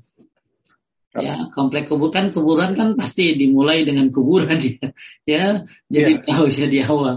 Ya, di jadi enggak dari depan ya, apalagi dari rumah. Ya enggak. Ya, jadi begitu masuk komplek kuburan dibuka. Kalau itu tidak berbahaya ya, sunnahnya seperti itu. Baik. Cuma kan ini kan muncul kan mitos. Mitosnya gitu segini. Kenapa nggak boleh? Karena mayat itu bisa denger kalau pakai sepatu. ya, ya, ya, ah itu mah ayah ya wae lah. Ya terus harus harus jinjit gitu ya sejalannya nggak kedengeran. Baik, Bismillah. Uh, Ustaz, kalau kita nanam pohon bidara diperbolehkankah untuk obat-obat seperti pohon-pohon lain seperti kelor, rimpang dan lain sebagainya? Uh, kalau nanam boleh ya, nanam pohon bidara. Ya, cuman sampai hari ini saya baru menemukan, uh, belum menemukan apa ya, menemukan itu. Uh, cuman dibolehkan untuk pengobatan boleh.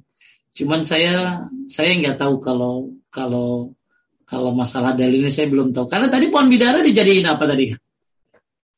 Gantungan itu. Ini gantungan tadi, gitu ya.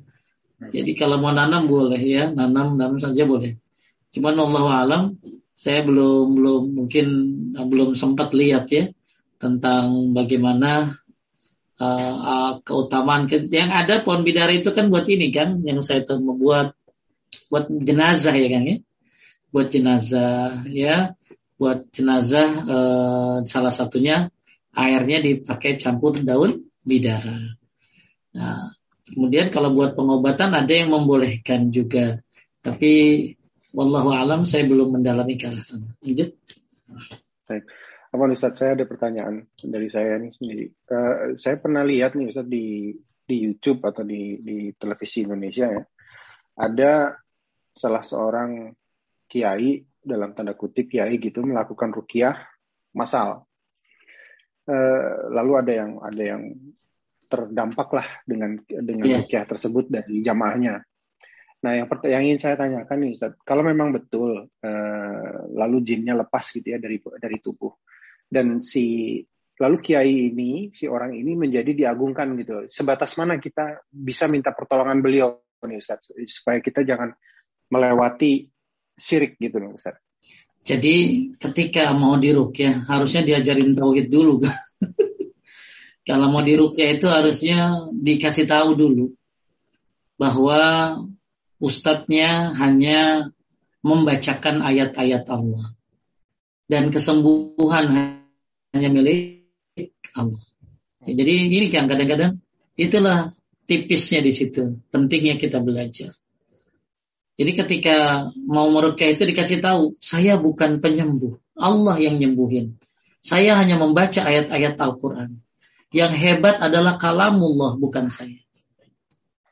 Ya, kemudian yang jadi yang dan yang merukyah pun harus sadar dia hanya sebagai apa tadi perantara untuk membacakan ayat-ayat. Bukan dia yang hebat, bukan. Ya, bahkan kan kalau memang ada begitu kadang-kadang tuh kan malah ya jinnya nggak keluar-keluar. Hmm. Ya, karena bisa jadi kurangnya kesolehannya atau kurangnya tauhidnya. Jadi pentingnya untuk memberikan apa ya, memberikan memberikan memberikan wawasan tentang tauhid dulu sebelum diruk dirukyah. Ya, sebelum dirukyah. Padahal ya kita nggak usah bergantung sama perukyah kita bergantung dengan ayat-ayatnya. Maka kita rutinkan zikir pagi dan sore. Kita rutinkan kalau memang ada yang lebih hebat lagi Al-Baqarah itu dirutinkan bolak-balik. Bolak-balik ikra'u surat Al-Baqarah fa inna syaitan tafiru minal baitil lati tukra'u fi surat Al-Baqarah. Setan itu lari dari rumah yang dibacakan surat Al-Baqarah.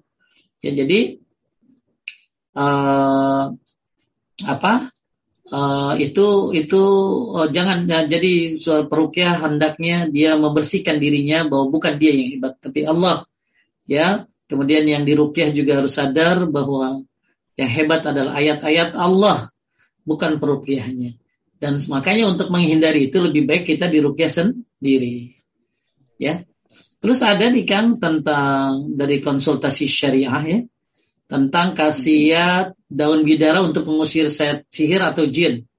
Nah, ini dijawab di sini ya bahwa uh, tidak menjumpai adanya dalil dari Quran maupun hadis yang menjelaskan penggunaan daun bidara untuk mengobati sihir dan kesurupan jin. Yang kita yang dijumpai adalah fungsi daun bidara untuk membersihkan tubuh kan dari kotoran yang sulit hilang jika hanya diguyur air seperti memandikan jenazah jenazah, kemudian membersihkan darah haid. Ini yang tadi saya bilang kan. Ya, cuma saya dengar ada seorang ustadz ngomong ya tanam daun bidara buat musir sihir dan jin. Nah mungkin saya juga mungkin harus ditanya dalilnya biar jadi ilmu buat saya. Tapi terus terang saya pribadi sama kayak situs ini ya. Uh, ini dijawab oleh biasa Aminur Bait yang jawab benar beliau yang jawab ya Ya, jadi uh, kata beliau yang nggak ada ya. Jadi untuk darah head ya apa kemudian untuk membersihkan ya jenazah. Itu itu ya jadi ibu-ibu ya jadi kalau nanam itu ya untuk bersih-bersih mungkin ya gitu ya. Tapi nggak tahu kalau emang ada buat sihir atau jin nggak ada ya. Kan setahu saya cara mengobati sihir yaitu dengan uh, rukyah, ya rukyah mandiri. Lanjut. Berikutnya, Assalamualaikum Pak Ustaz. Izin bertanya, ada teman yang menawarkan saya kalung kesehatan. Apakah jika menggunakannya juga termasuk perbuatan syirik? Jazakallah ya. Ini kayaknya udah sering dibahas nih. Ya. Gak apa-apa. Jadi kalau kalung itu bisa dibuktikan secara ilmiah, bisa menurut penelitian, kemudian ada rekomendasi dari dokter-dokter ahli, Anda juga nggak gampang percaya, tentunya harus dengan penelitian, jangan main beli baik, ya, pergi harganya mahal. Dan kemudian apakah dirimu bisa bergantung kepada Allah? Ya, kalau misalnya nggak nggak bisa ya nggak usah. Nggak jelas, hanya cuma iklan, testimoni-testimoni yang entah siapa. Ya, kalau ragu jangan ya. Tapi kalau memang oh ini ada apa infrarednya, ini apa bisa begini begini menurut penelitian ini ada ininya ada ininya, kemudian uh, diteliti oleh dokter-dokter ya selama itu memang itu, itu dibolehkan itu namanya kauni ilmiah ya tapi kalau nggak ilmiah nggak boleh ya jadi anda harus jelas itu ilmiah apa enggak kalau enggak jangan kalau cuma katanya katanya perkiraan doang jangan harus jelas. Lanjut. Pertanyaan berikutnya menarik nih Ustaz.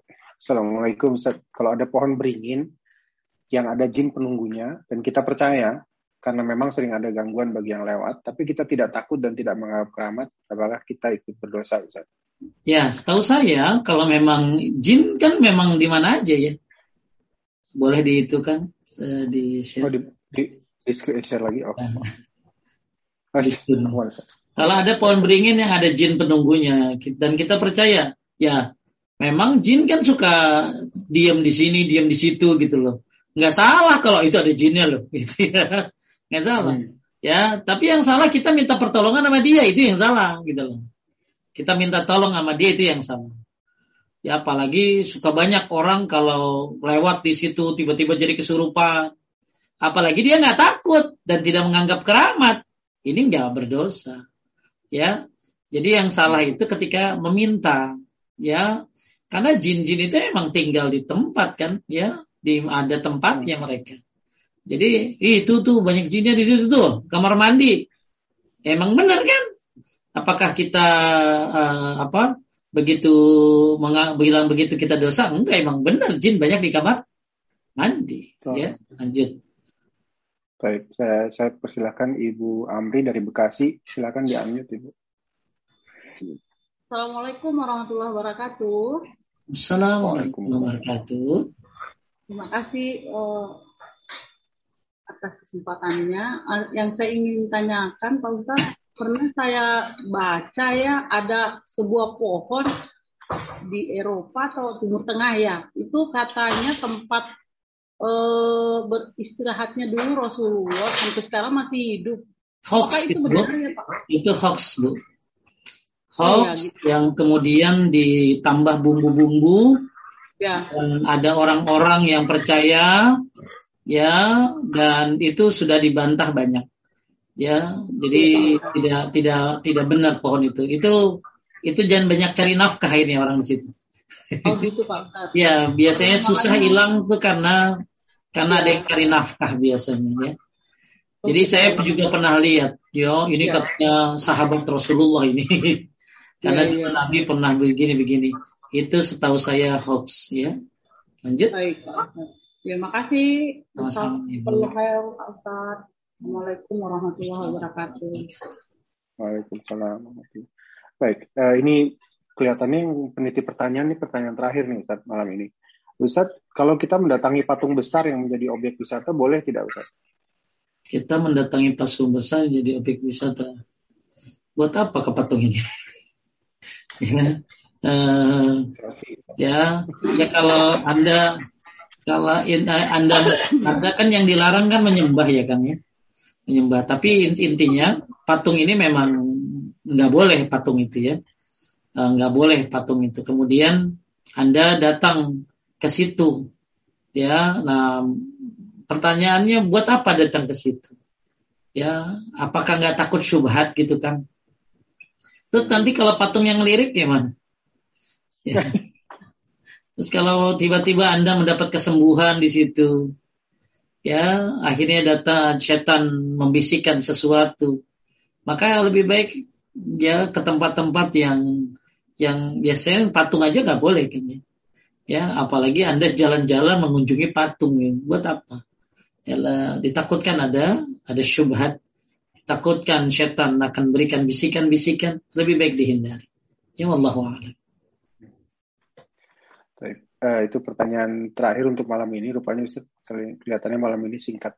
Oh, ada yang ada yang kata tangan soal phone. Uh, silakan di unmute. Assalamualaikum warahmatullahi wabarakatuh. Waalaikumsalam warahmatullahi wabarakatuh. Aku Ana izin bertanya. Uh, kemarin pada saat ada tahun baru uh, Muharram, itu di dalam grup uh, taklim Ana itu ada yang mengingatkan untuk uh, apa ritual-ritual uh, seperti itu, Ustaz. Dan salah satunya adalah kemudian uh, beliau mengatakan kalau mau ngikutin lagi minum susu putih gitu. Ya. langsung anak langsung, langsung saya jawab maksudnya uh, boleh gitu kalau uh, kalau Ukti bisa berikan dalil bahwa Rasulullah juga meng, juga mengikuti dan minum susu putih. Uh, Ana juga pengen pengen tahu dalilnya begitu Ustaz. Lalu kemudian uh, beliau tidak dapat memberikan itu kepada Ana. Kemudian Ana putuskan untuk uh, mendakwahi sebelum keluar dari grup. Uh, katakan bahwa uh, nih gitu uh, kalau tidak enak tidak enak seperti itu uh, seharusnya Abu Talib juga tidak berada di di penghuni neraka ya untuk saat ini ya Ustadz ya hmm. karena tidak enak terhadap kaumnya begitu. Lalu Ana izin live dari grup dan memutuskan untuk tidak di situ saja karena untuk menghindari dan menjaga hati sih sebetulnya Ustadz ya menjaga akidah dan tauhid yang selama ini Ana sedang sedang bangun gitu, hmm. sedang belajar gitu. Namun banyak yang berkata bahwa gimana sih kok uh, kamu keluar gitu kan. Kamu sepertinya memutuskan sila ukuah dan sebagaimana dan begitu begitu gitu loh Ustaz jadi agak bingung juga sih gitu. Maksudnya uh, ya Allah susahnya sekali untuk mendahului tauhid di masa yang sekarang itu Ustaz gitu. Jadi anak pilih untuk hmm, nggak hmm, apa-apa terasing aja gitu. Untuk demi menjaga tauhid aja. Bagaimana baiknya Ustaz ya? Kalau dikatakan anak memutus silaturahmi atau memutus sila ukuah dalam pandangan Ustadz bagaimana ya? Bisa memang, Iya, jadi katanya minum susu putih supaya hidupnya putih. Kenapa nggak kapur? ya, jadi uh, banyak yang minum susu putih katanya supaya hidupnya putih. Yang enggak enggak itu itu akhirnya gara-gara satu orang yang melakukannya, akhirnya banyak orang melakukannya. Padahal uh, tidak ada hal-hal yang yang penting uh, dan uh, yang bisa kita lakukan ya biasa aja hari-hari ya ketika Muharram. Tapi yang pasti Muharram adalah salah satu bulan haram. Ya, salah satu bulan haram di mana kita banyak beribadah, ya, dilipat gandakan dan lain-lain. Tapi kebiasaan masyarakat ya sudah seperti itu. Lebaran anak yatim ya Kang ya. Lebaran anak yatim. Kasihan amat anak yatim lebarannya cuma Muharram doang begitu dia datang bulan Julhijjah Pala perba, eh Muharram aja kan lebaran kamu, eh mati dia tuh. ya. Kan udah makan kemarin. iya udah makan kemarin. Tapi, nah sekarang uh, untuk masalah masalah masalah apa? Saya pernah pernah dengar baca sebuah fatwa dari Syekh bin Bas ya. Ya kadang-kadang setan membisikkanmu untuk atau untuk tetap bergabung dengan teman-temanmu yang tujuannya nanti adalah memberikan syubhat ya kurang lebihnya seperti itu. Jadi kadang-kadang setan menyuruh untuk tetap dirimu di situ. Lu bisa dakwahin dia. Ya bisa. Ya lama-lama dia ke bawah kan. lama-lama dia ke bawah. Ya malas ada satu tulisan dari seorang syekh, ya, saya lupa ya. Uh, beliau mengatakan walaupun dirimu kuat akidahnya, ketika kau berteman dengan teman-teman yang salah. Walaupun kau orang pinter, cerdas, bagus, ya akhlakmu, pokoknya pinter, kau akan kau akan berubah gitu Ketika berteman dengan teman-teman yang salah. Lalu bagaimana Pak Ustadz ya dengan dengan apa? Dengan dengan dengan dakwah gitu ya. Maka dilihat dari kemampuan. Ya kalau misalnya antum memang mampu, ya antum mampu, ya silakan stay di situ. Tapi ketika antum uh, tidak, ketika anda tidak mampu, maka keluar jauh lebih baik. Atau takut syubhat, ya. Atau gini kang, titip, titip tausiahnya. Jadi tausiah titip sama teman yang masih ada di grup itu. Tolong disampaikan. Ya, tolong disampaikan. Tolong sebarin ya, tolong sebarin ya. Jadi saya nggak nyalahin orang yang keluar dari grup-grup yang nggak nggak ini ya, nggak nggak syar'i ya, nggak salah. Karena dia lebih tahu keadaannya. E, karena seseorang mengetahui kadar dirinya itu orang bagus. Takutnya dia kena syubhat. Karena setan melancarkan banyak serangan. Maka ditakutkan akan muncul e, apa syubhat-syubhat yang mengganggu yang akhirnya dia jadi apa? Jadi jadi terbawa. Atau mungkin jadi hatinya terbawa. Dia kesel gitu kan, ya kesel baik. Dia grup itu ya kesel baik bawaannya. Ya. Uh, atau mungkin dia jadi bahan omongan kan. jadi bahan omongan. Ya, dari bahan omongan. Jadi uh, kalau kalau kalau memang mau keluar keluar nggak masalah, ya nggak masalah karena menjaga menjaga dari syubhat itu jauh lebih baik, ya jauh lebih baik. Taib saya juga saya juga berada di satu grup yang memang grup para para apa ya ya saya coba bertahan ya alhamdulillah. Karena memang saya menasehat saya gini kan bedain ya kalau kita punya guru sama guru yang punya murid. Kalau guru punya murid bejat-bejat nggak masalah kan? Guru punya murid bejat-bejat gitu ya ancur-ancur. Itu nggak salah. Tapi kalau murid punya guru bejat jangan. Gitu ya itu nggak boleh. betul. Ya saya bilang sama sama anak-anak kasus saya gitu. Gue gue punya murid orang-orang bejat ya karena memang tujuan saya mendidik gitu loh. Saya bergabung dengan mereka tujuannya mendidik mereka. Ya selama sesuai syariat ya sesuai syariat. Tapi kamu nggak boleh mencari guru yang bejat. Kamu harus cari guru yang lurus gitu. Baik, jadi itu kembali kepada kepada kepada anti ya. Kalau mau keluar nggak masalah ya, nggak masalah. Tapi tetap menjalin ukuah dengan cara yang lain ya atau titip nasihat atau titip tausiahnya kepada temannya. Wallahu a'lam. Hmm. Ibu. Alhamdulillah. Uh, ini ada satu lagi yang bertanya, Ibu silakan di unmute. Assalamualaikum Ustadz. Waalaikumsalam warahmatullahi wabarakatuh. Ustadz mau tanya, tadi Ustadz berkata bahwa daun bidara bisa membersihkan darah head. Itu apakah dengan diminum? Kalau zaman dulu, ya itu kayak sabun, Bu. Kalau ya. Bu, Bewara, ya. kayak sabun. Kayak sabun. Jadi? Jadi dioles, dia dioles. Jadi kan gini lah. Uh, jadi ibu jangan minum ya, jangan dengerin. Oh, jadi uh, bukan jadi bukan saya ngajari ibu tumbuk daun bidara terus minum bukan. Jadi gini. Uh, jadi kan daun bidara itu uh, apa di zaman dulu itu di zaman Nabi itu digunakan untuk memandikan apa tadi orang uh, jenazah ya memandikan jenazah. Nah itu kan gak diminumin bu mayatnya ya. Oh. Jadi di, di, dijadikan kayak sabun ya, ya. Jadi cuci jenazah tiga kali, iksilnah salasan atau khamsan atau aksar min zalik. Dan jenazah itu dicuci tiga kali, lima kali atau lebih dari itu. Menurutmu dibutuhkan dengan apa? Bimain wasidrin dengan air dan daun bidara. Jadi daun bidaranya ditaruh aja bu di ember bu. Ya, ya. Kemudian juga di hadis, ya kalau tadi kan tentang orang yang meninggal. Nah, kalau yang untuk darah haid ini membersihkan sisa darah haid maksudnya. Jadi Nabi Shallallahu Alaihi Wasallam menyuruh wanita ya untuk membersihkan sisa darah haid agar digunakan uh, bidara. Jadi uh, ceritanya Asma ya Asma pernah bertanya kepada Nabi Shallallahu Alaihi Wasallam tentang cara mandi selepas haid. Maka Nabi bilang tahu susidroha wa ma'aha fatawaddau summa yaksilu ra'saha. Wanita itu bisa mengambil daun bidara dicampur air tuh. Jadi daun bidara dicampur air. Lalu berwudu kemudian mencuci kepalanya. Jadi bukan ditumbuk-tumbuk, diambil ininya, diminum bukan Bu ya.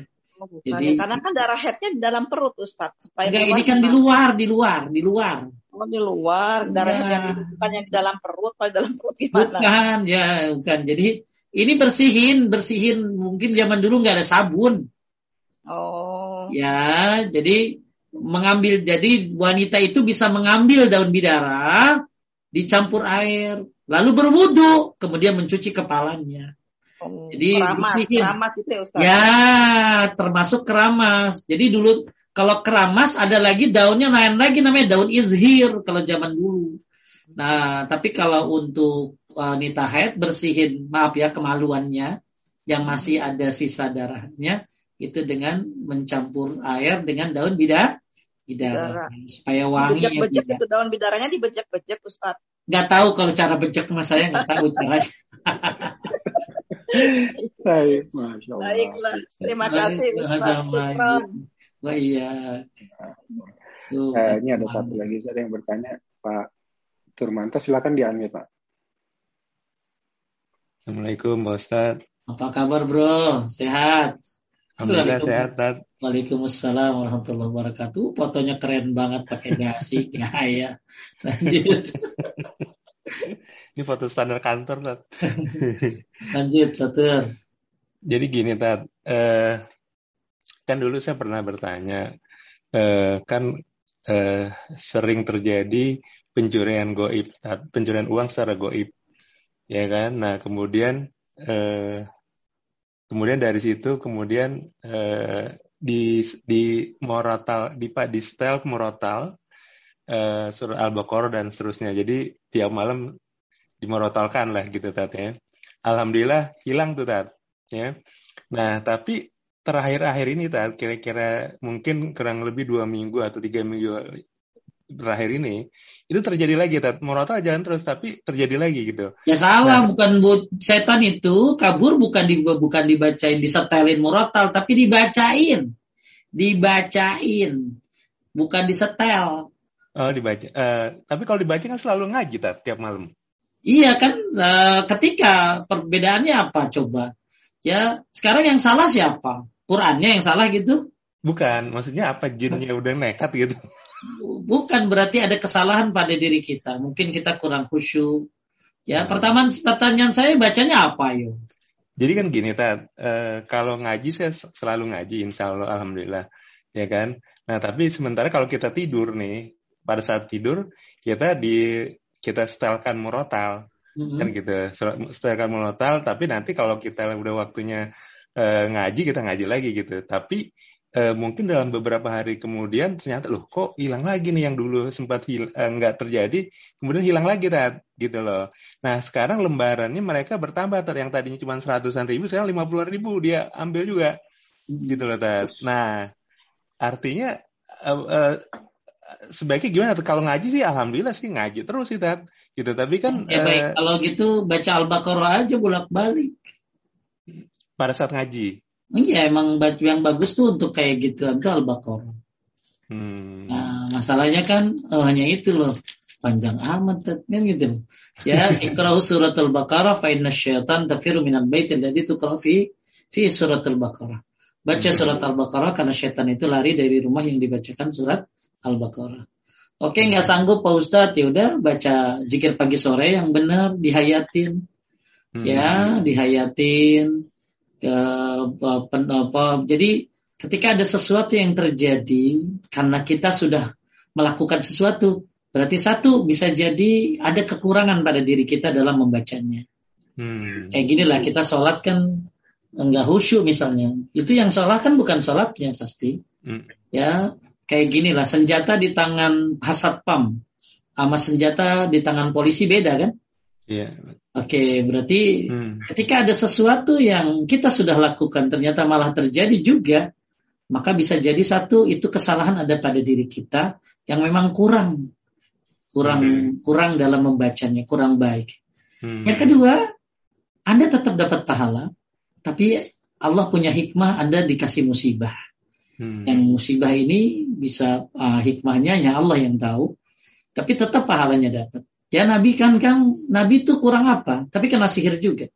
Betul? Hmm, hmm, hmm. Ya, nggak ada yang berani nekat. Nabi kurang zikir, astagfirullah wa atubu nggak benar.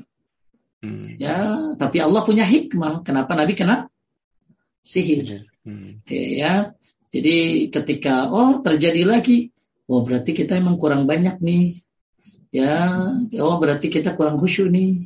Hmm. Oh berarti kita memang ini nih. Nah jadi selalu e, menyalahkan diri kita itu yang terbaik. Yang kedua kekurangan pada diri kita yang itu ya. Yang kedua mungkin ada hikmah. Sebagaimana cerita tadi bahwa Nabi pun pernah berdarah ya. Dia lagi perang Uhud. Nabi pun pernah gelisah karena Aisyah difitnah betul. Hmm. Ya, ya Aisyah kan difitnah. Nabi juga pernah gelisah. Hmm. Dan uh, termasuk Nabi pun pernah kena sihir. Jadi ketika kita sudah melaksanakan apa yang Allah kasih, apa yang disampaikan oleh Rasulullah kita jalankan, ternyata terjadi juga, hmm. maka pahala akan tetap ada pada dirimu, akan tetapi hmm. Allah dengan hikmahnya ada sesuatu yang sedang direncanakan. Hmm. Seperti hmm. itu, Pak Turman. Hmm. Hmm. Ya. Baik. Ya, terima kasih, Waalaikumsalam warahmatullahi wabarakatuh. Baik, saya kira sudah habis untuk malam ini, Ustaz. Alhamdulillah kita tutup aja Ustaz. Baik. Baik Bapak Ibu sekalian yang dimuliakan oleh Allah Subhanahu wa taala. Uh, apa kajian tercepat ya. Biasanya sampai jam 10. Jam. Tapi ini udah lumayan udah satu setengah jam ya. Nah, jadi mudah-mudahan uh, terus istiqomah di atas tauhid dan sunnah dan cari keberkahan dengan cara yang disyariatkan, baca Quran, ya zikir pagi sore dan sesuatu yang disyariatkan. Hati-hati dengan tabarruk ada yang syariah ada yang tidak. Ya, dan mudah-mudahan Anda melakukan yang syar'i. Ya, terima kasih buat uh, Rumah Dakwah Paduka dan para pengurusnya. Dan terima kasih buat semuanya. Kita tutup dengan doa kifaratul majlis. Subhanaka. Allahumma wa bihamdika. Asyadu an la ilaha illa anta astaghfiruka wa atubu Assalamualaikum warahmatullahi wabarakatuh. Waalaikumsalam warahmatullahi wabarakatuh. Alhamdulillah. Eh, kami mohon maaf jika ada kekurangan dan kesalahan. Insya Allah eh, kita akan bertemu kembali di akhir pekan berikutnya. Baik, Barakallahu fikum. Assalamualaikum warahmatullahi wabarakatuh.